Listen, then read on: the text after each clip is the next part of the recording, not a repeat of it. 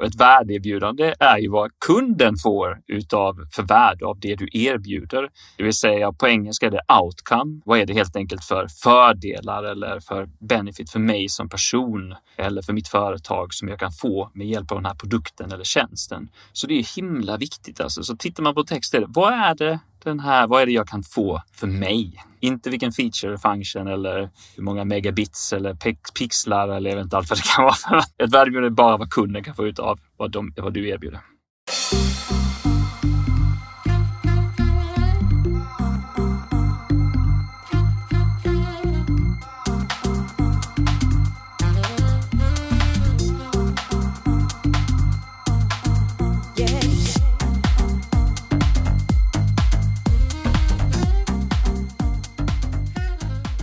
Välkommen tillbaka till Digital marknadsföring med Tony Hammarlund. Det här är en podd där jag intervjuar branschexperter och marknadsförare för att lära mig mer om digital marknadsföring. Mitt mål med podden är att bli en bättre marknadsförare och samtidigt dela med mig av intressanta samtal med några av Sveriges bästa marknadsförare. Värdeerbjudande är ett jätteviktigt begrepp inom marknadsföring och det är avgörande för att skapa stark kommunikation som talar till potentiella kunder och värdet de är ute efter. Det är också ett begrepp som har nämnts otaliga gånger här i podden, så nu gör vi ett avsnitt där vi går igenom det ordentligt. För hur gör man egentligen för att utveckla och formulera starka värdebjudanden? Och hur kommunicerar man dem på ett bra sätt? Det är absolut ingen lätt uppgift för oss marknadsförare. Så jag bjöd därför in Daniel Nilsson som driver bolaget Up Strategy Lab som bland annat hjälper business-to-business-företag att effektivisera sälj och marknadsföring. Och där han också jobbar väldigt mycket med just värdebjudande. Daniel har dessutom många års erfarenhet från den andra sidan i ledande marknadsroller på bolag som Mentis och Upland. Han har även en populär blogg där han bland annat skriver om att ta fram värdeerbjudande, skapa kundprofiler och att bygga partnerprogram med fokus på business-to-business marknadsföring. Så han har verkligen bra koll på ämnet.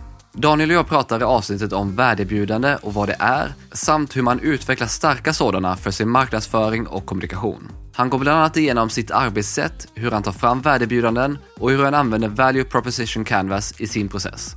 Du får dessutom höra om vad som kännetecknar ett riktigt bra värdebjudande, varför det är så viktigt att definiera ett, vad många marknadsförare missförstår, hur han använder Jobs to be done, hur man vet att man har hittat rätt, validering och testning av värdebjudande och hur värdebjudande kan och bör utvecklas över tid plus en massa mer. Daniel går även igenom en rad olika både fiktiva och verkliga exempel för att illustrera hur man både hittar, skapar och formulerar starka värdebjudanden. Och otaliga bra tips och insikter. Så jag hoppas därför att du gillar den här intervjun. Du hittar som vanligt länkar till allt vi nämner i poddenlägget på tonyhammarlund.io. Bland annat länkar till Strategizer, Value Proposition Canvas och de exempel som tas upp. Daniel har dessutom samlat ihop en massa bra länkar till både egna resurser och andra artiklar och videos för dig som vill lära dig mer om värdebjudanden. Så du behöver inte anteckna. Och efter länkarna hittar du självklart även tidstämplat i olika sektioner i intervjun. Och en annan sak, du har förhoppningsvis redan hört och kanske redan prenumererar. Men annars så skulle jag vilja tipsa om det nyhetsbrev som jag varannan vecka skickar till tusentals marknadsförare med de senaste nyheterna inom digital marknadsföring. I det levererar en expertpanel analyser inom en rad olika områden och du får även tillgång till en community där du kan diskutera nyheterna och ställa frågor. Låter det intressant så kan du hitta mer information och prenumerera på min webbsida. Innan vi kör igång så vill jag även passa på att presentera e-commerce recruit som är sponsor och jobbpartner till både podden och nyhetsbrevet. Om du ska anställa inom e-handel eller digital marknadsföring så är e-commerce recruit experter på att hitta specialistkompetenser inom de här områdena. Med Sveriges största nätverk av e-handelskompetenser så hittar de garanterat din nästa stjärna. Gå bara in på e-commercerecruit.se och ta kontakt med dem om du vill ha hjälp med rekrytering eller headhunting. Tack e-commerce recruit för att ni är med och sponsrar podden. Nu kör vi igång avsnittet och Daniel börjar med att förklara vad ett värdebjudande är och vad det består av. Precis, jag tror det är lätt att förvirra värdeerbjudande med liksom features and functions. Du vet så här bara, min produkt den minsann har 15 växlar på cykeln eller någonting. Jag vet inte, jag försökte komma på något roligt. Eller att man blandar ihop det med lite så här marketing mambo jumbo. Du vet, eh, L'Oreal because you're worth it och massa sådana här saker. Det är alltså inget slogans av det här. och taglines slogans, och sådana saker. Ja. Och nej, nej, och det här är det bästa. We are an innovative bla bla bla företag. Liksom. Det är ju bara, det är bara information egentligen då om hur innovativ och fantastisk teknologi du har. Så det är inget värdeerbjudande för att det handlar ju, allting handlar ju om dig Och det är ju det som är felet här då. Ett värdeerbjudande är ju vad kunden får utav för värde av det du erbjuder. Det vill säga på engelska är det outcome. Alltså vad är det helt enkelt för fördelar eller för benefit för mig som person eller för mitt företag som jag kan få med hjälp av den här produkten eller tjänsten. Så det är himla viktigt alltså. Så tittar man på texten, vad är det den här, vad är det jag kan få för mig? Inte vilken feature, function eller hur många megabits eller pixlar eller jag vet inte allt vad det kan vara för någonting. Allt som inte handlar om det helt enkelt. Det är inte ett värdeerbjudande. Ett värdeerbjudande är bara vad kunden kan få ut av vad, de, vad du erbjuder, resultatet. Och vad skulle du säga, vad anser du utmärker ett riktigt bra värdeerbjudande? Människor vill ju ha många resultat. Alltså, det är ju, alla vill ju ha massor med olika saker. Du vill ju ha en eh, jättefin lägenhet säkert med 25 rum och eh, många blommor och allt vad det kan för någonting. Så det viktigaste är att veta vilket är det viktigaste resultatet du vill ha i ditt liv som vi kan påverka på något sätt och prata om det. Så det är ju liksom eh, nummer ett här, va? att du säger den saken som är viktigast för dig. Så då är frågan, vad är viktigast? Sen tycker jag så här, det beror ju på vad det här värdeerbjudandet presenteras. Men låt oss säga att det är på en hemsida. Alla har ju en hemsida, så det känns ju som enklast. Då är ju första, om man tar det första meddelandet högst upp på hemsidan, liksom, det ska ju få dig, det får ju inte dig att köpa på en gång. Va? Men det är ju ingen som köper så snabbt. Vi får ju ha någon rim och ranson här. Då ska, ju det, då ska ju det som står där få den här personen att bara, det här verkar intressant för mig. Jag vill ha detta. Jag, jag är intresserad. Och då scrolla ner. Och då kommer du ju ha många värdeerbjudanden. Va? Det är inte bara ett utan många värdeerbjudanden efter varandra. Och då ska du ju få mig att liksom scrolla vidare. Det ska få mig att klicka. Det ska få mig att välja dig som en potentiell leverantör. Så jobbar vi med konsument, då kanske vi bara vill att de ska trycka på den här mysiga köpknappen och bara köpa den här eh, filten eller vad det är nu du erbjuder för någonting. Men om du är B2B, då kanske det är lite mer avancerat. Då vill vi bara att de ska kontakta oss eller signa upp för vår tjänst eller att de kanske ska lägga med oss som en av de produkter som de utvärderar. Så att beroende på hur komplext det är så är det någonting sånt här. Så helt enkelt det Och ett riktigt, riktigt bra värdeerbjudande, då, då positionerar man sig mot konkurrenterna. Då är man riktigt vass alltså.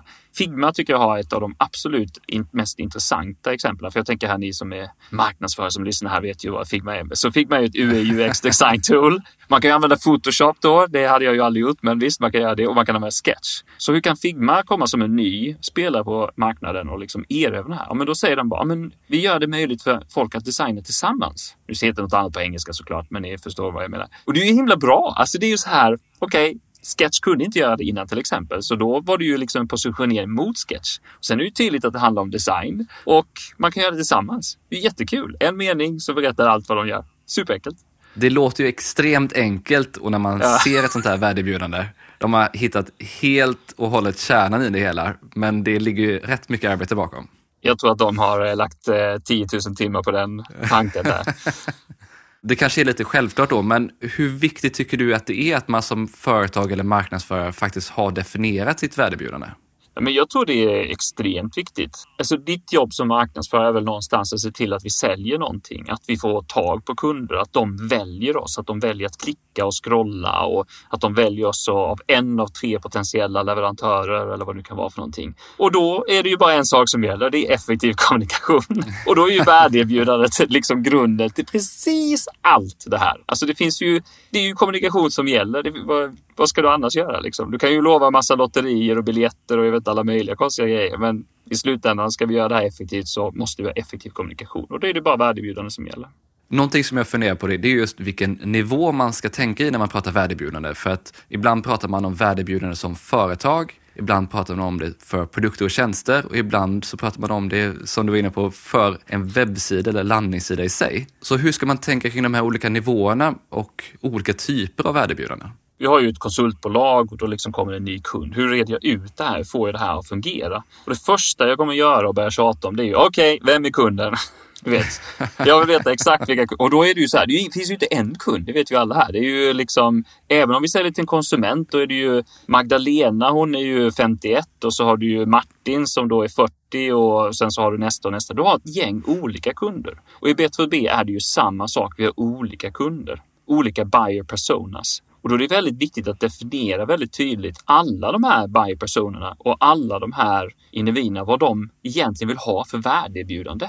Och sen får du ta de här olika personerna och värdegrunden och så ska du skapa, det vill säga en broschyr. Då får du fråga dig själv, vilka personer kommer läsa det här? Och är det då en av de här, då har du ju tur, då är det ju enkelt. Men är det fem samtidigt, det vill säga det är både Magdalena och det är Martin och hela företaget och det är VD och det är det är liksom, det, ja men då måste du göra något som, så, skriva någonting och säga någonting som passar alla de här samtidigt. Och det är det som är så jobbigt med hemsidor och allting annat. Vi har ju ingen aning om vem som kommer in här. Det ju, kan ju vara vilken person som helst. Så i princip brukar jag säga, men vilka kunder har du? Vilka personer? Vilka, vilka är det du vill fundera på? Vem vill du sälja? Vem vill du kommunicera till? Och sen får du definiera värdebilden för varje. Och sen när du väl ska skapa någonting, ja men då får du fundera, vilka är det jag kommunicerar till här? Och så blir du tvungen att kombinera alla värdeerbjudanden till en på något, på något magiskt sätt. Du tar fram ditt magic wand och bara kör allt vad du kan. Typ, och bara hoppas att det blir bra.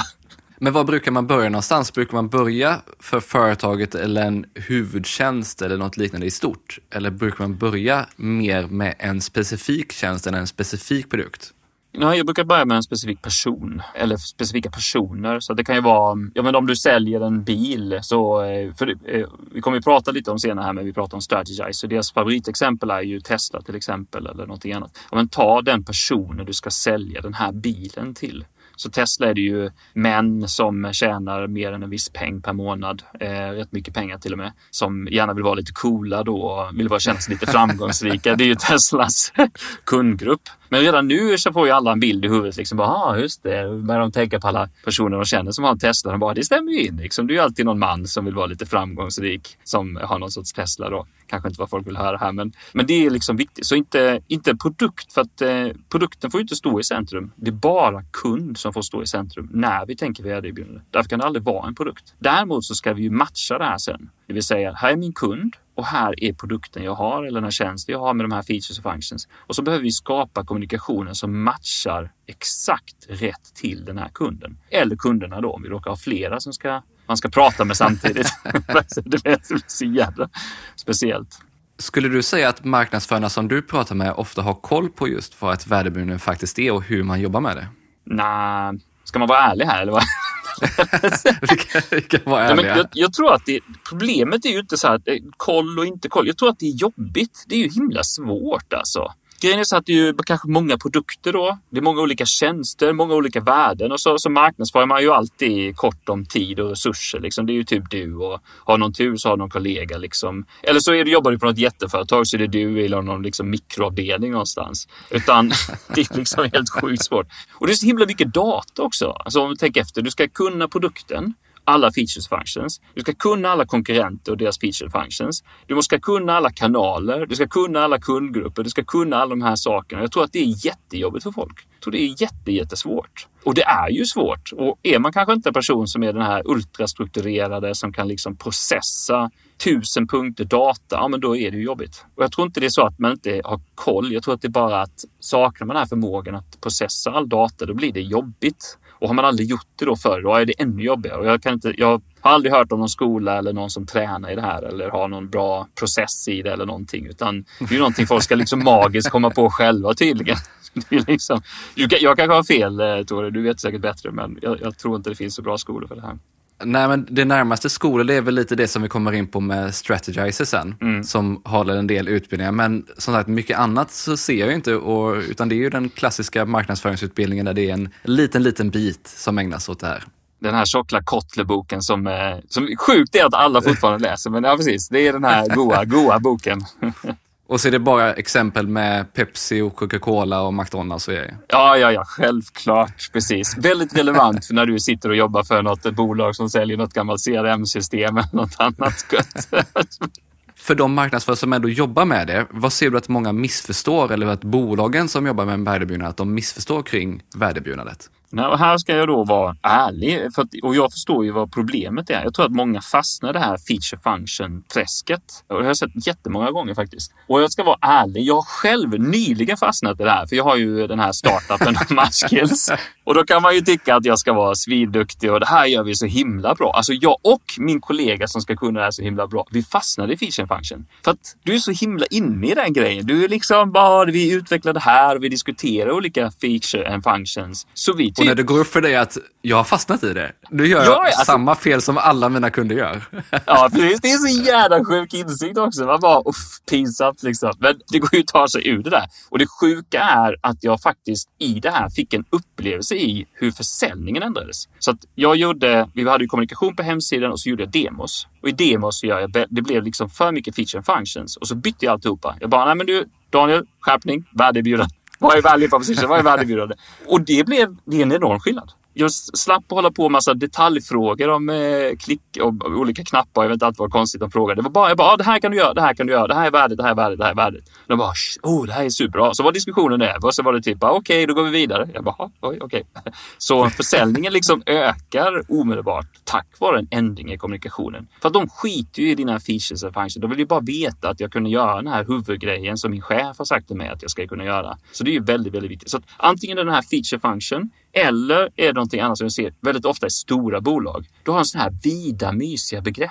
Jättevida. Vi håller på med employee engagement. Man bara, jaha, men vad är det du gör där? Vad, liksom, vad, ska, vad är det för den här hela grejen? Alltså de skriver typ så här jättehögflygande, typ, något jättekonstigt som har ingenting att göra med eh, vad är det för resultat jag kan få av att köpa din produkt. Utan det är bara så här myspys, jättekonstiga grejer. Så det är liksom de två. Antingen är det så här superdetaljerat eller så blir det så här jättebrett och konstigt som ingen kan förstå. Det är de två misstag jag ser. Allting handlar om balans, zen, yin and yang. Leta efter det mina vänner, leta efter det.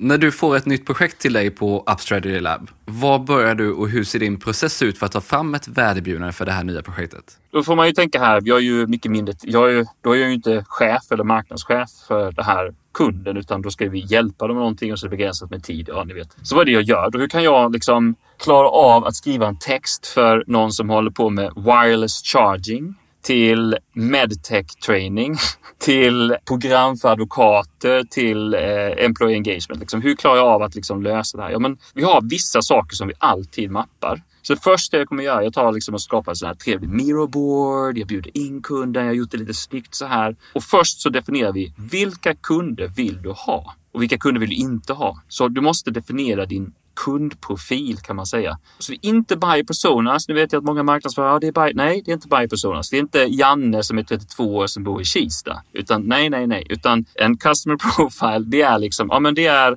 vi jobbar bara med electronics inom det här fältet i de här länderna. Kunden tjänar så här mycket pengar, har så här många kunder, ser ut så här, så här. Det är verkligen detaljerat vem och var här, men inte så mycket om att det är Janne i Kista som är 32. Super, superviktigt. Och vi också definiera vilka är det som är köparna som tar beslut i det här då? Ja, men det är den här marknadschefen, den här personen, den här personen. Det är lite olika om det är B2B eller B2C, men ungefär på det sättet. Det spelar ingen roll om det är hur det ser ut så att säga. Så det är första. Nästa sak som vi tittar på, men vilka konkurrenter har ni? Hur ser det här ut då? Ja, det är de här tre konkurrenterna som är viktiga. Då får man ju liksom titta kanske på deras hemsida och se hur det ser ut och fundera lite på hur det upplevs. Och så frågar man ofta vilka alternativ. En konkurrent är inte bara de som faktiskt säljer exakt samma sak. Ett alternativ är också de som kan göra samma sak. Du kan ju köpa en eh, milkshake, du kan köpa en Snickers eller du kan köpa en kexchoklad alla är ju liksom mat typ och alla är söta och alla är goda. Mattyp är väl ja, typ. nyckelordet där. typ. Alltså det är ju någonting du kan stoppa i dig och snaska på.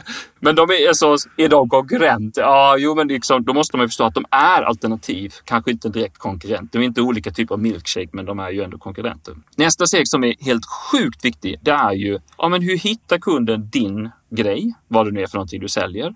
Och hur går den här köpresan till? Hur fattar kund? Ja, ah, det är det här jag vill ha. Det här verkar jättespännande. Och hur liksom kommer de fram till nästa steg och hur lång är den här resan? Så det är en konsument, ja men då kanske de landar på den här sidan, ser en snygg klänning och så tycker de köp snabbt och lätt. Jag menar, det är en B2B, du vet, det är ju nio månader och 15 pers inblandade. Så jävla komplicerat. så att, liksom, då finns det ju olika saker där.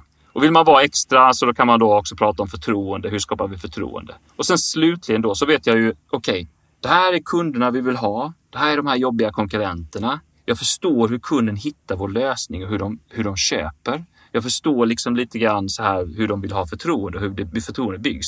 Ja, men nu kan vi gå in och skapa det här value proposition genom att gräva djupare in för varje kund. Och då använder vi Strategizers value proposition canvas. Så det är de här stegen, de här elementen. Vad finns det mer som är viktigt för att skapa rätt förutsättningar för att komma vidare i den här processen och sen börja bygga upp ditt värdeerbjudande? Jag tror att det vi gör med kunder här, då brukar jag sätta upp en sån här mirror. För att det blir ju liksom så här, jag vet att många marknadsförare, åh, jag vill ha liksom budget och så ska vi gå ut och undersöka och prata med 500 kunder och hej och hå. Men det är ju superbra liksom. Men det blir ju det blir för dyrt och det blir för jobbigt och du ska ju ordna en mässa nästa vecka och alltså, det är ingen som hinner liksom. Så min lösning på det här, det är ju liksom, ja, men ta sig till att vara med på några säljmöten och få en demo av produkten om du nu är helt grön på jobbet. Och sen nummer två är att bjud in folk att göra detta med dig. Sitt inte där själv och, och tro att du får ihop det här för att det kommer bara bli dåligt. Utan jag brukar starta en sån här mirrorboard eller du kan använda Figjam eller ta papper och penna eller en whiteboard spelar ju ingen roll liksom. Och så bjuder du in säljchefen, någon som kan support, kanske din marknadskollega, var ett gäng. Och så definiera vad är det för kund vi vill ha, vilka konkurrenter vi har. Gör alla de här sakerna. För då kommer det bli riktigt bra. För det som är guldet, det är när det blir lite så här diskussioner där säljchefen, nej, det stämmer inte minsann. Du vet, han, eh, Jan-Erik kommer in där och ska diskutera minsann vilken kund vi ska ha. Jag har sålt i du vet, 25 år och hans information är ju supervärdefull för oss som marknadsförare att kunna förstå faktiskt vem vi borde nå och vem vi ska skita i och vad som resonerar med kunden. För han har förmodligen testat en hel del olika typer av meddelanden, typen av erbjudanden under sin tid. Precis, och här och då kan jag nu eh, ge lite, här, lite extra information. Då. Alltså, om du är duktig på att tänka och analysera, var lite försiktig. För att Jan-Erik, säljchefen, han, han är lite fast i sina hjulspår där. Liksom. Han vill gärna gå tillbaka till de här feature function för det är tryggt för honom. Men du som marknadsförare måste ju tänka vitt och brett. Du måste tänka högre upp. Du måste skapa större meddelande. Så att du inte är på de här mikronivåerna för att det är inte det kunden vill ha. Jag tror det är där strategizers value proposition kan vara. Alltså gör du den rätt så kommer du verkligen få fram bra information som kan hjälpa dig tänka lite större, lite bredare. Men, men det är klurigt. Alltså jag kommer, kudos till alla som gör det riktigt bra. Det är inte lätt, I tell you. Hur använder du den här canvasen då för att komma vidare i processen? Så vi tog upp en sån här mirrorboard och sen så har jag du klistrar in det här canvaset som vi tar den här A3 och verkligen stoppar in och då finns det ju massa frågor där. Så det här, är faktiskt, det här är verkligen tips hur man gör det. Och så har vi då liksom säljchefen och någon från eh, support och liksom alla de här sakerna. Så bjuder in alla och vi sitter här i mirrorboardet ihop. Och då går jag igenom först de här olika grejerna. Så har du aldrig använt strategizer, i princip så finns det en vänstersida, en högersida. Och högersidan handlar bara om kund. Okej, okay, det här är superviktigt. Det handlar inte om dig, det handlar inte om din produkt, inte din tjänst, ingenting. Det handlar bara om kunden och vad kunden, vem kunden är. Och så går vi igenom de här steg för steg. Så tar man först, vilka jobb är det kunden försöker göra? Så då kan vi ju plocka fram något exempel här eh, som vi funderat lite på. Så vi kan ta CRM-system. Jag är säker på att du som där ute i marknadsförare både älskar och hatar det här gamla CRM-systemet som du tvingas använda. det har vi alla använt många gånger. Ja, men CRM-system, vad är det liksom säljarna ska ha det här CRM-systemet till? Liksom, kan vi försöka förstå en säljare genom CRM-system? Ja, men då kan man ju börja lista vad är det för jobb här som säljaren försöker göra. Han ska försöka sälja såklart. Han ska försöka hålla reda på sina kunder. Han ska eh, få påminnelser med kontakter. Man kan börja lista mängder med olika saker som en säljare måste göra varje dag. Han vill ha bra diskussioner, han vill ha energi, han vill ha massor med saker. Och sen gör vi samma sak med pains som är en annan sak som den här Strategizers Canvas plockar upp. Liksom vilka problem, vilka pains har han? Och vilka gains är det som den här säljaren vill ha? Och det som är så fint med det här, när ni sitter ihop och gör detta, då, då har ni ju empati med kunden. Ni har, försöker uppleva vad kunden försöker uppleva. Ni skiter i era feature and function. Ni ska bara fokusera på vad den här stackars säljaren försöker få gjort varenda jädra dag, inklusive bli utskälld av säljchefen och allting annat. Vad är det för liksom saker som händer i den här personens liv? Och sen kan man ju då börja få fram vad man kan nysta i nästa steg, vet du, rangordna den här informationen i vad som är viktigast. Och då börjar man ju få en bild här att ja, men för säljaren är det här viktigast när det gäller jobs to be done och för de här painsen är skitjobbiga för honom och de här gainsen är vad han verkligen, verkligen vill ha. Och då förstår du ju vad du ska säga överallt i princip. För nu kan du förstå den här personen djupt. Så det är därför det här är viktigt. Och det här är då högersidan i den här canvasen. Vad finns på andra sidan? Precis, så på andra sidan är ju det här erbjudandet, det är ju egentligen din value proposition då. Så du har ju för någonstans försökt liksom ha empati med kunden, du har känt in kunden, du vet så här. Du eh, får in alla såna här sköna känslor. Men på vänster sida är det, okej okay, om kunden säger att det här är vad jag vill uppleva eller känna eller det här är mina pains. Då ska ju du på andra sidan, din produkt, din tjänst eller vad du erbjuder, ska ju matcha så bra som möjligt av det kunden absolut mest vill ha vad det nu kan vara. Så i ett CRM-system till exempel, ja, men då är det alla vanliga grejer. Ja, men det är en pipeline, man ska ha ordning, man vill kunna snabbt göra en liten rapport till sin chef och vad det nu kan vara för någonting. Det är viktiga saker. Men jag menar, egentligen är det inte rapporten som är viktigt. Det är ju bra försäljning som är viktigt. Det är därför pipeline och de här bara, det är därför de heter pipeline. För allt handlar om din coola pipeline och hur full den är. Men vi gjorde, vi gjorde nyligen en sån här workshop och det är ganska intressant. Då kom vi på en annan grej som säljarna jättegärna vill ha. Tänk att du säljer och så varje dag så liksom skickar du 100 mejl och så får du två svar. Men tänk att varje dag ringer 20 pers och, och eh, för det första, du bör, 18 svarar inte. Två svarar och säger att de inte har tid. Alltså man blir ju ganska ledsen, typ, ah, ingen älskar mig och jag är liksom... Så det är därför säljarna ska vara så jävla hipp och och, och glada hela jävla tiden. Alltså de är ju behov av mängder med energi för att orka med hundra e-mail och några få svar. För att orka med liksom ringa så många samtal där folk hänger slänger på luren på dem. Och då kan, ju, kan man ju tänka sig att om man vill ta en ny position på marknaden kan man ju erbjuda mer energi till exempel till säljarna. Att man är det energiska CRM-systemet om man nu vill hitta någon ny position till exempel. Men om man har fyllt det här kundsidan med värde och man har sina features, sina functions, fördelar på den andra sidan. Hur gör man för att matcha det här och liksom, hur använder man canvasen? Ja, precis. Så då, det här det blir ju krångligt då. Ska, eh, har man då liksom gått Strategizers kurs och man har köpt boken, då kommer man upptäcka att det är inte så tydligt. Det här är inte riktigt så liksom, supertydligt får jag faktiskt säga. Nej. Jag har ju läst boken fem år, för jag tänkte så här, missade jag någonting? Liksom? Vad är det för, det var en kund som frågade. Jag bara, hmm. Så jag tänker jag tar ett exempel, för det är nog det enklaste. Ja, men jag ska skriva en ny sida för hemsidan säger vi. Ja, men då går jag först och så bestämmer vem är den här sidan ska, vem ska titta på den här sidan? Så skriver ni, ja men det är den här personen, den här personen, den här personen. Så det är säljaren, det är säljchefen och det är eh, någon annan. Okej, då vet jag att det är två olika personer jag ska kommunicera med samtidigt. Och då har man ju gjort value proposition canvas. Så då kan jag se, okej, finns det några gemensamma jobb som är viktiga för både säljaren och säljchefen? Finns det gemensamma gains de vill ha och finns det gemensamma pains? Och sen får jag liksom sitta där och titta också. Vad är det vi har sagt att det är för någonting som vi har som erbjudande? Vad är det som de här som vi paketerar som är så himla bra? Och sen får man ju då försöka skapa ett meddelande som passar just den här sidan. Och det är det som är så sjukt klurigt. Jag tror det är därför han har skitit i att skriva det i boken, för han bara, det här går ju inte att förklara till.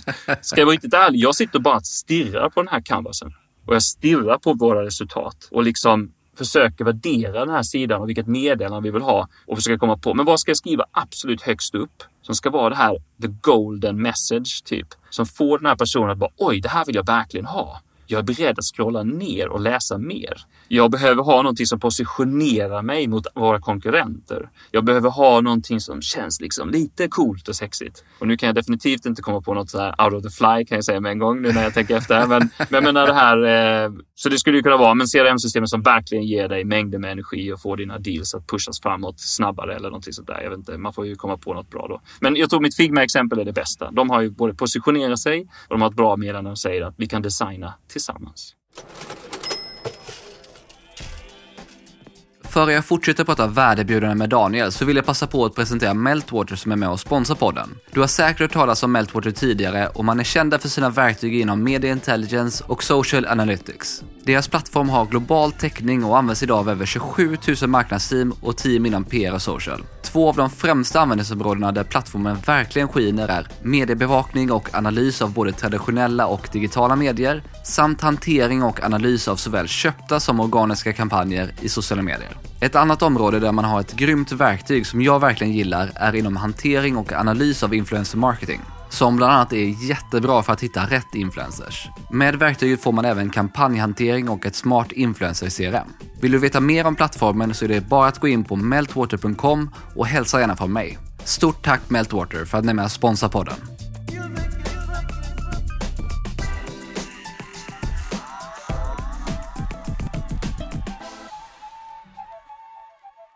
Men om jag backar lite där, så du har canvaser för de här olika målgrupperna, de här olika yes. personerna och de sparar yes. du så att du, när du behöver dem så kan du titta på dem samlat. För den här landningssidan eller för den här produkten så är det de här två målgrupperna. Då är det de här två canvaserna jag behöver titta på exakt det som är grejen. För det finns ju ingen människa som kan komma ihåg allt det här. Du vet, vi kan ju göra canvas ibland. Det är ja, om en 150 stickers. Alltså jag skojar inte. Det är typ 150 små lappar med olika grejer. Och det är så jävla krångligt. Vet du. Så när man har en jätteavancerad produkt och jättemycket folk, då har vi ju fått allting rangordnat. Men jag brukar sammanfatta det lite grann. Det vill säga man kommer se att oj, flera sådana här stickers handlar om den här saken. Ja, men då sammanfattar jag lite grann där. Eller flera stickers handlar om den här saken och försöka få ihop det. Så kan man se den större bilden av det här. Och det är lite synd att jag inte kan visa här på podden liksom exakt hur det här ser ut så att ni ramlar av stolen och bara oh my god.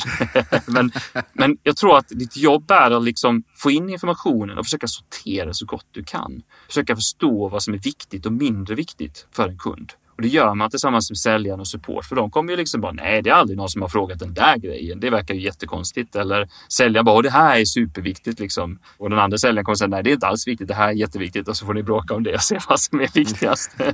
Det är så jävla svårt. Men det som är fint med det här är att när du sitter där som marknadschef och marknadsförare, du kommer sitta där och bara oj, du kommer lära någonting den här tiden. Du kommer få en massa insikter, du kommer höra den här diskussionen. Du kommer förstå vad varje ord betyder på ett helt djupare sätt. För då kommer du, och givetvis är det någon säljare som ska ha en långdragen historia här i två timmar om den här jävla grejen. Men då blir det lätt att skriva den här texten. Du sitter där med den här tomma hemsidetexten. Du vet att de här två kundgrupperna, ni vet själva man har suttit där och man bara, jag är blank, jag har ingen aning vad jag ska skriva. och då blir det så himla gött. Du bara, men nu ska jag bli inspirerad. Då går du till ditt lilla canvas, där är en massa stickers överallt och då, då kan du bara, ja men jag känner, jag ser något mönster. Jag, jag skulle kunna skriva de här sakerna. Och sen skulle jag kunna ha mitt nästa block skulle kunna handla om den här saken, för det är också jätteviktigt. Och det här blocket skulle kunna handla om det här. Plötsligt har du gjort en halv hemsida på liksom 30 minuter. För att du hade den informationen och alla de här jättemysiga, trevliga 150 stickers som bara lyser med sin gula färg. Jo, men det är ju det här man vill ha som marknadsförare för att kunna formulera sig på sin landningssida eller vad det nu må vara man ska göra. Men har man inte det, det är ju då det blir så jobbigt när man inte har hela bilden klar för sig. Man har inte de här riktigt bra insikterna om hur man, om hur man faktiskt talar till den här besökaren på den här sidan. Ja, då, jag tror också att med de här så blir det inte den här risken att du blir... Det finns en risk för feature function, så det får du vara försiktig. Du får skriva om varje mening så att det inte blir det. Men okej, okay, bara för att du har rapporter i CRM, det är ju inte det kund vill ha. Vad är det kund vill ha? Ja, men det kunden vill ha är ju liksom superenkla måndagsmöten.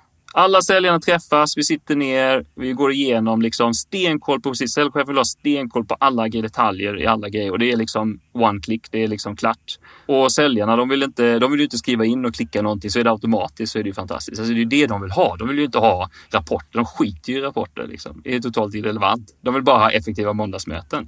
Så då kan man ju prata om det connecta till min telefon, connecta till min mailbox. Ja, men typ. Alltså. Ja, men precis. Och då är det inte kanske det man säger, utan då säger vi bara, men allt är automatiskt. Sluta stoppa in allting. Eller varför inte tala in din note eller jag vet inte vad som helst. Liksom. Sånt som säljarna verkligen har stört sig på med alla CRM-system. Så det, det, kan man ju säga att det är ju den som är grejen. Så featuren är en rapport, men det kund använder till ett måndagsmöte. När man då är färdig med sin canvas och man har börjat fundera här, hur gör du eller hur rekommenderar du att man ska göra för att formulera det här värdeerbjudandet? Det bästa är ju alltid, eh, man vill ju ha någon output av det. Om man vill vara lite så här, eh, du vet man har någon VD som tjatar på en. Jaha, nu har du lagt en massa tid på det här eh, value proposition Har du något resultat eller? Du bara, ja, eh, jo, eh, här har vi massa stickers. Han kommer ju liksom bara, eh, nej, det funkar inte. Så att min, min rekommendation är faktiskt ha Strategizer ett litet templat. Och det jag brukar göra är att jag gör en presentation som sammanfattar allting. Så det är ganska smart. Så då liksom gör jag någon powerpoint och så skriver jag liksom det här är key jobs we done, det här är key, de här, det här är liksom gains de vill ha. Men sen kan jag göra en supersammanfattning i text som säger då, men det här är liksom verkligen viktigt för våra kunder. Och sen så finns det också då, eh, då de har en templat som säger så här, men våra produkter och tjänster, vad de nu är för Vårt CRM-system hjälper säljare och säljchefer som vill ha mer energi genom att ha outstanding rapporter för dina måndagsmöten, fyrverkerier i programvaran varje gång du säljer och som gör allting automatiskt. Till skillnad mot eh, Salesforce som är superkrångligt och jättejobbigt. Till exempel. Då blir det ju liksom sammanfattat och väldigt tydligt och då, kan, då kommer din VD, ja ah, okej okay, det där fattar jag. Men jag menar obviously är ju inte det någonting du sätter på hemsidan. Alltså det funkar ju inte liksom. Utan då måste det delas upp i 15 block och 32 olika sidor som vanligt. Ja, hur gör man för att få det här grundvärdebjudandet, det här som är utplockat ur det här canvasarbetet och jobs to be arbetet Hur får man det till att bli ett väldefinierat värdebjudande som det som du tog upp med Figma till exempel? Grejen är så här att ditt jobb som marknadsförare, tycker jag i alla fall, det är att skapa användbara, vad ska vi kalla det, produkter från marknadsavdelningen som du ger till säljarna eller som du publicerar på olika sätt. För att du har tänkt på allt det här, du har processat allt det här, men det är ingen annan som har gjort det. Så de människorna som ska faktiskt gå ut och liksom kommunicera det här, de har ju ingen hjälp. Du måste paketera det här, så att då får du ta detta och så får du göra en säljprestation för säljarna. Och sitta ihop med säljchefen och bara, nu hjälper jag det här får sluta prata om de här jävla rapporterna. Du får prata om måndagsmöten istället. Du ska sluta ta, tala om hur tråkig den här pipelinen är. Du ska liksom, det är fyrverkeri varje gång du stänger en affär och liksom alla får reda på det. Det är amazing! Alltså det är vad vi ska prata om. För det är det som är viktigt att göra oss unika jämfört med våra konkurrenter. Så du måste paketera helt enkelt det här menet i olika produkter som hjälper säljarna, som hjälper eh, på hemsidan eller vad som helst, alla att förstå vad som är viktigt. Men det är ju du som måste göra det. Alltså det kommer ju tyvärr inte magiskt ut på något annat sätt än det där. Någonting som jag pratat ett antal gånger tidigare om, det är det här med tonalitet och språk. Så hur viktigt är det i värdebjudandet och det man kommunicerar? Och hur gör man för att hitta rätt där? Ja, precis. Jag tror att det är, det är både viktigt och inte viktigt och det är allt möjligt samtidigt här. Jag ska försöka förklara detta. Alla bara okej, okay. stackars lyssnare bara okej. Okay. Jag tror att, språket är väldigt viktigt och tonaliteten. För det, får inte, det blir lätt att många skriver lite så här egocentriskt. Och det, det är jag lite allergisk mot. Liksom. Jag är ju kund och jag kommer här till dig och jag ska köpa någonting. Så handlar det bara om dig och din innovation och product och allt vad det är för någonting. Liksom. Det är ju väldigt tråkigt eh, och det blir en viss ton i det här också. Det känns inte alls bra faktiskt. Det kan ju få mig att inte vilja köpa för den här. Så därför blir ju det här viktigt då. Sen kan man ju då överarbeta det här. Alltså man får ju tänka på budget och tid och allting annat. Så att ibland när vi har väldigt mycket budget och tid, ja men då sitter vi ju liksom fem pers och går igenom rad för rad och bara pratar om tonalitet och språk och hur det ska kännas. Så kan vi skriva det här bättre på det här sättet. Det är ju superbra om man har mycket pengar och tid. Och har man inte det, ja men Alltså då får man ju göra det man kan. Liksom. Då är det kanske bra om engelskan är korrekt och att det inte ser för jävla dumt ut om det nu är engelska man skriver på. att det inte är felstavningar och annat. Så att, men om inte värdeerbjudandet finns där, om man inte kan kommunicera själva grunden då spelar det ingen roll med tonalitet och allting annat. Du får ju inte få det att låta för egoistiskt eller för konstigt eller för, för lustigt på vissa sidor. Det, det känns ju negativt. Liksom. Så absolut, det, det spelar roll. Men värde, värdet måste ju förklaras först och sen kan man jobba med tonalitet om man nu har budgetproblem och inte har tid. Är det här någonting som du lägger grunden för i researchen just? Man brukar ju prata om message mining och den här typen av metodiker. Är det någonting sånt som du gör? Det gör vi faktiskt inte så mycket utan jag, eh, vi, vi frågar liksom, men hur bygger du förtroende med kund? Vad är det som är viktigt? Och då brukar då säga alla olika saker så det är inte så himla lätt det här. Och då brukar jag ta den datan och använda. Men generellt så försöker vi skriva allt och allt vi gör att vi är extremt service-minded, att vi är där för kund alltid. Det är alltid kund som står i centrum och jag tror det är jobbigt för många att klara av att skriva det. Och en del personer är liksom påverkade av intern politik och massa annat och det blir att de skriver lite argare har jag sett ibland. Jag vet inte varför. Kanske himla trötta på folk, jag vet inte vad det är. Så det är ju bara försök ha verkligen en skön, mysig åsikt om kunden. Ha, var väldigt positiv. Tänk på den bästa kunden, den du, den du älskar allra mest. Så du ska ju helst lära känna någon och så får du skriva som det är att du skriver till den personen. Du kommer att skriva mjukt och fint och väldigt gött på ett bra sätt. Om du inte nu är en expert copywriter så kan det vara ett bra sätt att göra det här på. Det är riktigt bra tips där kring språket för det är också någonting som, även om det kanske är underordnat just att faktiskt leverera värdet och kommunicera det så är det fortfarande väldigt viktigt. Ja, absolut. Gud ja. Men om man skulle ta ett exempel med det här CRM-systemet och det här grundvärdebjudandet som du har satt. Om du skulle göra en landningssida för det, hur skulle du kunna använda den kunskapen för att strukturera upp landningssidan? Låt oss säga att det är vanliga hem, hem, hemsidan. Då blir det ju extra viktigt med all positionering och alltihopa. Så då blir ju ditt första meddelande är ju att försöka väldigt snabbt förklara vad du gör och vad som gör dig annorlunda och din value proposition. Och då är det ju tyvärr så att CRM, då vet ju folk vad det är redan. Så du, det enda du behöver göra är att säga att det är CRM och så får du säga hur du är annorlunda.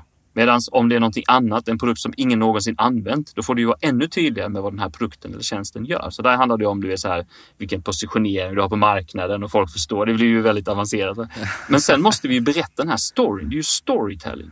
Så en value proposition, det finns inte en value proposition, det finns många value proposition. Du kan ha 50, 100, 200 stycken. Det finns ju ingen gräns egentligen. För det handlar om var i historien du ska berätta någonting. Så är det så att det är första gången jag kommer i kontakt med dig, ja men då räcker det med de här super high value propositions som snabbt förklarar vad gör dig unikt? Som gör det värt för mig att ja, men jag ska nog titta vidare på det här CRM-systemet. Jag ska kontakta säljaren eller jag ska titta på den här demon eller vad jag nu vill göra. Så då säger du, ja det är som återigen då liksom CRM-system för säljare som har mycket energi och som verkligen vill stänga affärer och så går man på nästa så är det liksom bästa måndagsmöterapporten någonsin och så ser man en säljare som är supercool och jätteglad. Varje gång du stänger affärer eller celebrations blir nästa eh, fold eller nästa block så att säga och så håller man på så där då. Man bara high level story.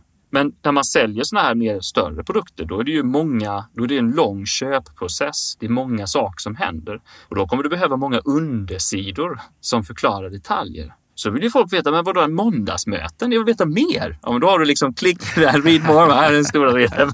Så, och då trycker folk read more och då blir det ju en ny sida som bara handlar om hur amazing måndagsmöten vi har med vårt amazing CRM och så får vi berätta våra i olika block. Så då fokuserar du bara på den här underdelen, den här specifika value proposition som vi har och berätta hur roligt det kommer vara att ha måndagsmöten som är det tråkigaste alla säljare vet i hela världen.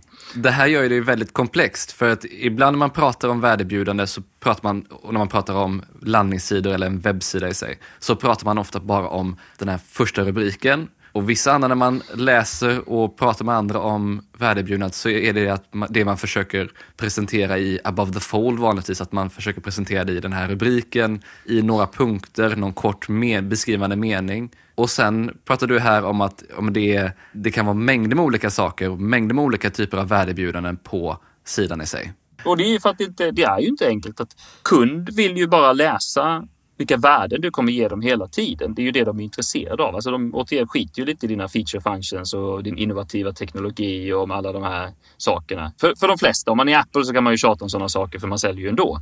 Men eh, så kopiera inte Apple. Jag vet att alla älskar att ta upp sådana exempel och man bara, men okej, okay, är du världens största bolag? Har du en unlimited budget med pengar? Okej, okay, nej, då är det kanske du inte ska titta på dem som exempel. Utan tyvärr är det Och ett varumärke som alla i hela världen känner till. Ja, precis. Det är liksom bara, men Nej, ingen vet vad ditt lilla CRM-system är för någonting. Du behöver vara vass. Så det är liksom, man kan inte titta på dem, utan återigen, om du kan berätta en story, för det är ju lite storytelling det här. Det kopplas ihop. Storytelling är ju ett flöde av värdeerbjudande. Så kan du se det. Så när du sitter med din landningssida, när du sitter med din säljpresentation, när du sitter med vad som helst, så är det ju ett flöde av fantastiska, mysiga, outstanding värdeerbjudande. Så för mig är det många value propositions. För en del kanske det bara är den här top fold. Det är väl okej okay, antar jag. Då kan man ju skriva feature functions senare. Men det kan ju vara ganska bra och eh, fundera i alla fall och försöka pressa sig själv att försöka göra texten så värdefull för köparen som möjligt.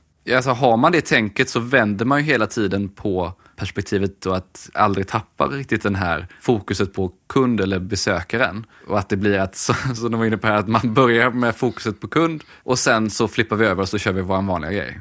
Ja, precis. Det verkar ju jättekonstigt. Eller? det finns ett jättebra exempel som jag tycker alla ska googla. Det är ju Intercom. Jag vet inte hur många som känner till det förut, men Intercom är ju en sån här chatt du vet, som man har på en, sin hemsida. Specifikt för marknadsförare, support och sälj. Det är ju ganska intressant att det företaget Alltså varför är det de som vinner den här webbchattresan och inte någon annan? Det finns ju tusen webbchattar, alltså tiotusen. Det känns som det finns hur många som helst. Alltså de har ju specifikt använt value proposition canvas. Den killen som kom in där som CMO, han kan visa med statistik och data att han har använt value proposition canvas. Han har ändrat meddelandet för hela intercom. Han har ändrat design, allting, all kommunikation. Och han fokuserar bara på value proposition. Han säger inte, vi har inte en webbsatt. Det finns inget vi säljer. Vi hjälper dig att prata med dina kunder på hemsidan. För det är ju det du vill ha. När de är där, du har ju alltid drömt om att kunna prata med dem. Du ser liksom i Google Analytics, det är fem pers på hemsidan. Jag vill prata med dem. Kom igen, jag vill snacka med dem. Och det är det som inte kommer erbjuda. Det är det som är deras value proposition. Och så berättar de hur de kan hjälpa dig att kommunicera med 10 000 olika smarta sätt. Och det är det som händer när man har det här fokuset. Eller så kan du säga att du är en webbchatt och vi har den här eh, pop-up meddelande och vi har det här. Men det är ju ingen som vill ha en webbchatt. Det är så ingen som vill ha en webbchatt. Ingen i hela världen. och kanske två. Alltså vi, vi, vill prata med våra kunder, vi vill kommunicera med dem, vi vill få dem att boka ett möte, vi vill få dem att joina vår webinar. Det är det vi vill ha. Det är outcome. Och då kommer jag in på min nästa fråga som är, hur vet man att man har hittat rätt? Det där är ju så helt sjukt klurigt. Så det beror ju på här va. Så vi börjar med konsumentförsäljning. så sjukt jobbigt. Ja men säljer vi B2C, det är ju så mycket enklare. Alltså det, ni som jobbar med B2C, ni är ju bortskämda. Jag gör ju också lite sånt, så jag är faktiskt också lite bortskämd där. Det är ju så himla lätt. Man gör någon sida, man gör lite reklam, man vet att det kostar tre kronor och så kommer de på sidan och så klickar 10 procent. Uh, du vet så här så vet du att du fick en försäljning och så kan man mäta alltihopa. Och man kan ju också mäta att de köper igen, att man behåller kunder. Man har ju all mätdata i hela världen och då vet man ju att man har hittat rätt. Och det känns bra. Man kan göra, och dessutom har man ju kanske mycket trafik, alltså man har tusentals personer som kan komma till en sida och så kan man göra sån här AB-testning och alla de här moderna coola sakerna som man har läst om på någon trevlig blogg någonstans. Men jobbar man med B2B-försäljning, då kanske man har så här 15 kunder per år. Det är ju lite svårt att liksom veta om det här fungerar då, så att säga. Och hur kan man då validera något sånt här? Och det är ju jättesvårt. Jag tror att det finns flera sätt att validera ett B2B-meddelande. Det första är se till att mäta såklart de vanliga sakerna och försök tracka in i CRM-systemet. Ja, men, var kom den här personen ifrån? Vilken var våra kampanjer? Vilka var våra sidor? Nästa sätt vad jag gör. Jag är faktiskt med på säljmöten eller så sköter jag säljmöten själv då, men det är inte så vanligt kanske. Men försök att delta i säljmöten. Sitt och lyssna med säljare. Vad händer när det här meddelandet som du tycker är så himla viktigt det kanske visar sig att de skiter i måndagsmöten för CRM-system. Då bara, nej, vem orkar bry sig? Liksom måndagsmöten, vi, nej, det har vi slutat med. Vi håller inte på med måndagsmöten. Vi gör det via telefon tre minuter, sen är det färdigt. Bara, Oj, okej. Okay.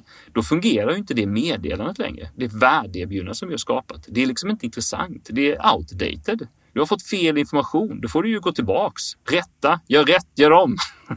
tänk, tänk om. Och den här valideringen kan du egentligen bara göra genom att prata med en kund. Då i en B2B-scenario. Så helt enkelt är det så att man får skapa någonting, man får ha en idé, ett koncept och man går ut och testar det i verkligheten. Och jag vet att det är jättemånga marknadsförare, man vill bara ha jättemycket data och vi måste göra mycket undersökningar innan och vi ska göra det. Men men verkligheten är ju att du inte har en obegränsad budget och verkligheten är att vi inte har tid. Och verkligheten är ju liksom, vem har tid med det här? Alltså det är ingen som har tid med det här. Utan, och ibland så är det ju så att din hemsida kanske är så sjukt dålig så att du har inte tid att liksom gå och mysa med massa data i liksom sex månader, utan det här måste göras nu. Så gör saker, upp med det så snabbt som möjligt och så kan du gå ut och testa, undersöka och prata med kunder på, på mässor eller via telefon eller i säljmöten eller vad som helst. Så kommer du förstå om det här meddelandet är bra eller dåligt. Så när jag själv gör det här, då, då sitter jag och säljer och då testar jag meddelandet och då vet jag om det är bra eller dåligt. Jag vet inte hur jag ska förklara, men du känner, du är kunderna är ju intresserade liksom. Eller så somnar de. Det är ju de två alternativen.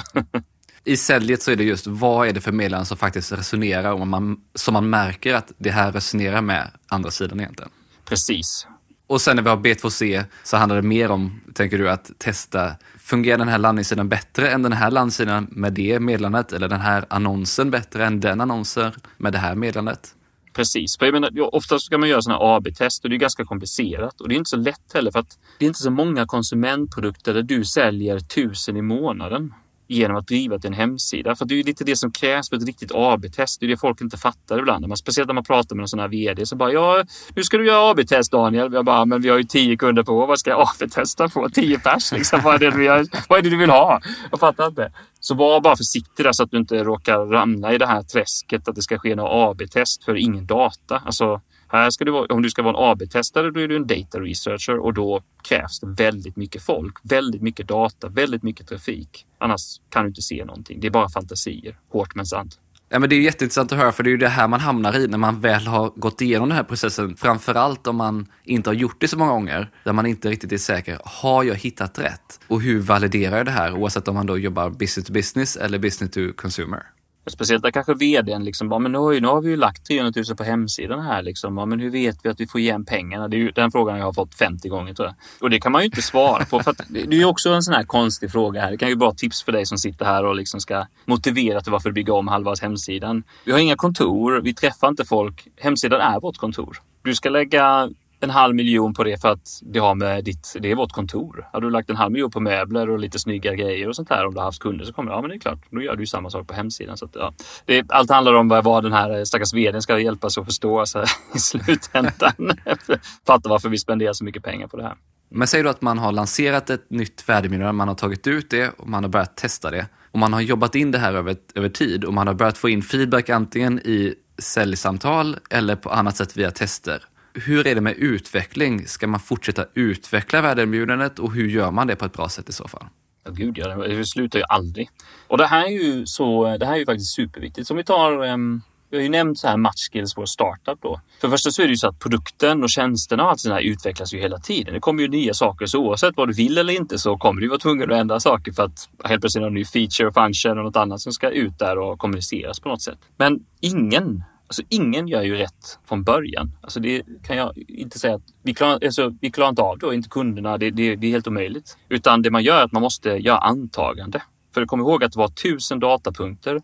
Du känner till 30 och så får du göra ett antagande som vanligt. Du bara, det är en fantasi, vi vet att det är en fantasi, men åtminstone har vi en fantasi. Vi kan en fantasi som vi kan presentera på vår hemsida. Och så får du gå ut och, och, testa och validera. Och sen kommer du upptäcka att ah, men det var ju fel. Du fick eh, liksom 100 nya datapunkter av de här 1000. Så nu har du 150 av 1000. Och då kan du ju skriva om eller göra om vissa saker. Så specifikt för hemsidor och presentationer, allt vi gör ser till att det är sjukt enkelt att uppdatera allting. Det är väldigt, väldigt, väldigt viktigt för att man snabbt ska kunna göra om helt enkelt. För att det krävs. Så helt enkelt alltid gör rätt, gör om, gör rätt, gör om, gör rätt, gör om. Lär dig, fråga, tro inte att du har skapat någon sanning. Det är bara omvärdera hela tiden. Vad kan det vara för lärdomar som du ofta har tagit med dig i de projekt som du varit involverad i och vad som ni har tagit tillbaka och utvecklat värdeområdet med? Jag tror eh, Matchskills är ett bra exempel. Så Matchskills gör ju en skill mapping-plattform. Alltså man kan mappa upp alla skills i ett helt företag. Det är ganska praktiskt. Liksom. Alla, alla jobbar ju med skill. Vi, vi anställer skills och människor med skills. Men vi har ingen aning om de här skillsen. Då. Och då blev det ju lite att liksom i början då handlade allting om den här mappningen av skills. Men det är ju inte vad kunden vill ha, kom vi på efter en stund. Alltså det är ju himla bra meddelande för de som ska hitta oss, för det är det de googlar. SEO-mässigt är det perfekt. Precis. Men inte mer, för att sen blir de ju lite så här, ah, när det går upp till vd, han tycker inte det är så jävla spännande. Han skiter väl i det. Han bara, ah, ja, bara, mappa skills, det låter dyrt. Ska vi hålla, hur ofta ska vi hålla på? Är det varje vecka eller är det liksom fem minuter per person eller vad ska det här kosta? Då måste du ju berätta sen rätt sak, vad han vill höra. Och då tog det ju ganska lång tid för oss. Alltså det tog ju två år innan jag liksom verkligen, verkligen fattade hur vi skulle kommunicera och hur vi kunde ändra produkten. Men då säger vi att ah, men det du får är ju ökad produktivitet. Om du förstår vad alla skills är så kan du ju liksom faktiskt börja vara strategisk med vilka skills du har, vilka du vill rekrytera och vilka du vill uppskilla, alltså vilka som ska få utbildning och så vidare. Och då ändras allt när jag implementerar det meddelandet. Men det tog ju en stund, alltså vi fick liksom testa många olika meddelanden innan det här. Allt ifrån liksom employee engagement till liksom massor med olika saker. Men min lärdom av det här är att ett enkelt meddelande är bättre. Därför att eh, ja, men det blir för komplicerat för folk att fatta så här employee engagement och massa sådana här huffluff och det. Och det är ju jätteviktigt, men det är liksom, folk kan inte fatta det.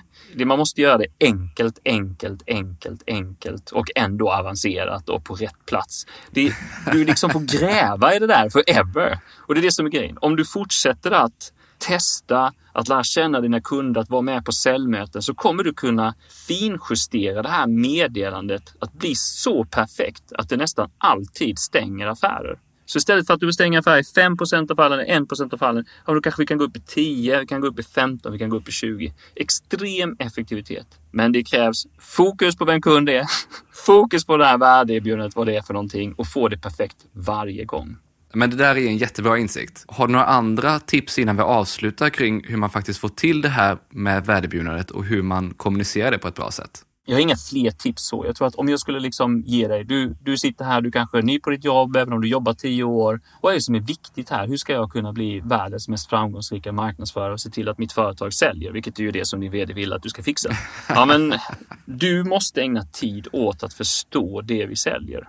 Och det är vad många marknadsförare missar. De, man lägger inte ner tid på att förstå features and function, hur produkten fungerar, hur folk använder produkten, vad som är viktigt för de här kunderna. Om du lägger ner tid och förstår det här, då kommer du bli en helt fantastiskt duktig marknadsförare. Och det är hemligheten till varför jag har kunnat sälja bra, varför jag har kunnat marknadsföra bra för alla möjliga konstiga bolag som är jätteavancerade produkter och tjänster. Det är för att jag, jag lägger jättemycket tid åt att förstå kunden och prata med dem. Och, och randomly kommer jag ha någon konstig idé. Jag jobbar för Mentis och det är så här medtech och jätteavancerat och så pratar jag med två kunder som precis köpt den. Bara, nej, det är så himla jobbigt. Vi måste ju göra någon sorts curricula heter det. Jag visste ju knappt vad det var för någonting när jag hörde det, men, men det är ju tydligen det här utbildningsprogrammet.